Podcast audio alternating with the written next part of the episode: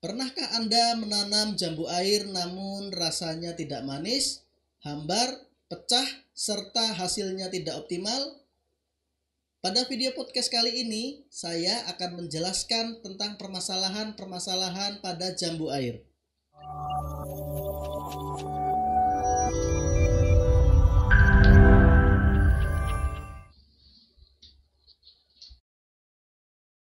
Halo, selamat datang di channel YouTube kami, NPK Mutiara TV. Di channel ini, Anda akan mendapatkan informasi dan edukasi seputar pertanian, khususnya nutrisi tanaman.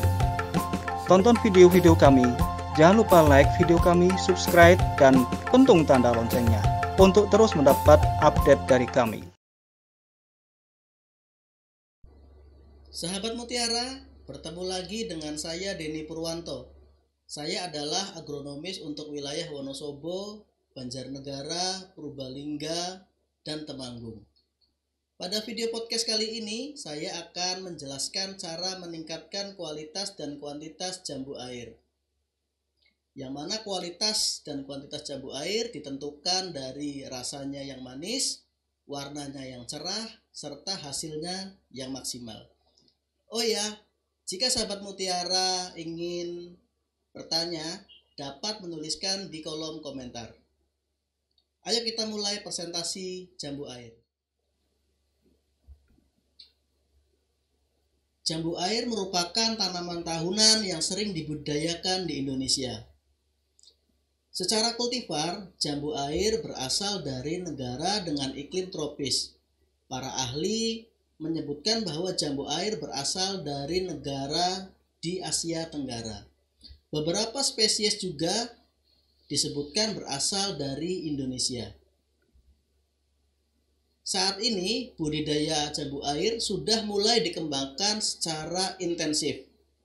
Hal tersebut dikarenakan jambu air sangat adaptif untuk ditanam di Indonesia. Jambu air sangat cocok dibudidayakan pada dataran rendah, namun bisa juga ditanam di dataran menengah. Saat ini segmentasi pasar untuk pemasaran jambu air sangatlah luas. Bukan cuman tradisional market, tapi saat ini jambu air sudah merambah kepada modern market. Namun untuk merambah modern market itu sendiri, tentunya kualitas jambu air harus ditingkatkan. Jambu air memiliki ukuran yang besar namun ideal sehingga cocok untuk konsumsi dan dijadikan buah di rumah tangga sekitar. Secara genetik, jambu air memiliki tingkat manis yang sangat bagus yaitu breaknya sampai 15. Hal ini yang menyebabkan pemasaran jambu air tidak kalah dengan melon, sumangka, atau yang lainnya.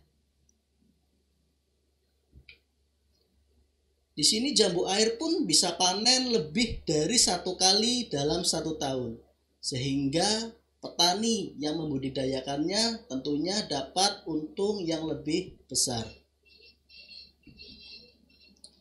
Lalu, apakah pemupukan yang tepat perlu dilakukan untuk budidaya jambu air? Jawabannya ya. Pemupukan yang tidak tepat dapat menyebabkan buah pecah Hal tersebut dikarenakan defisiensi kalsium. Jadi buah pecah ini tidak disebabkan oleh hama atau penyakit ya sahabat mutiara, tapi ini disebabkan oleh defisiensi kalsium. Perlu sahabat mutiara ketahui bahwa sifat unsur hara kalsium itu adalah immobile. Artinya dia tidak dapat bergerak ketika tidak ada penyinaran matahari secara intensif sehingga perlu kiranya kita lakukan penyemprotan kalsium tersebut langsung pada buahnya atau batangnya. Tentunya untuk menanggulangi pecah buah tersebut. Lalu, hal yang sering menjadi hambatan dalam budidaya jambu air adalah kerontokan bunga. Kerontokan bunga ini sangat berpengaruh terhadap hasil dari produksi jambu air tersebut. Ketika kerontokannya sangat banyak, tentunya klaster-klaster jambu air tidak akan maksimal, sehingga hasilnya pun akan tidak memuaskan. Solusi untuk mengatasi kerontokan terhadap bunga perlu kiranya dilakukan penyemprotan dengan menggunakan meroke MAP dan meroke kalnit. Atau sahabat mutiara juga bisa menggunakan Merauke MKP atau Merauke Kalnit. Dengan aplikasi fosfor dan kalium tinggi, diharapkan kerontokan bunga dapat, dapat diminimalisir, sehingga klaster yang dihasilkan dapat sempurna dan hasil jambu citra dapat maksimal. Lalu, bagaimana untuk meningkatkan break warna atau aroma jambu citra itu sendiri, kita harus menambahkan kalium dalam bentuk pupuk tabur dan pupuk semprot. Jambu citra merupakan salah satu tanaman yang sensitif terhadap klor, sehingga kita harus meminimalisir penggunaan kalium yang berasal dari unsur KCl atau klor tersebut. Pupuk subur kali butir sangat efektif digunakan untuk tabur pada jambu citra untuk meningkatkan brix tersebut dan juga meningkatkan bobot dari buah jambu air tersebut.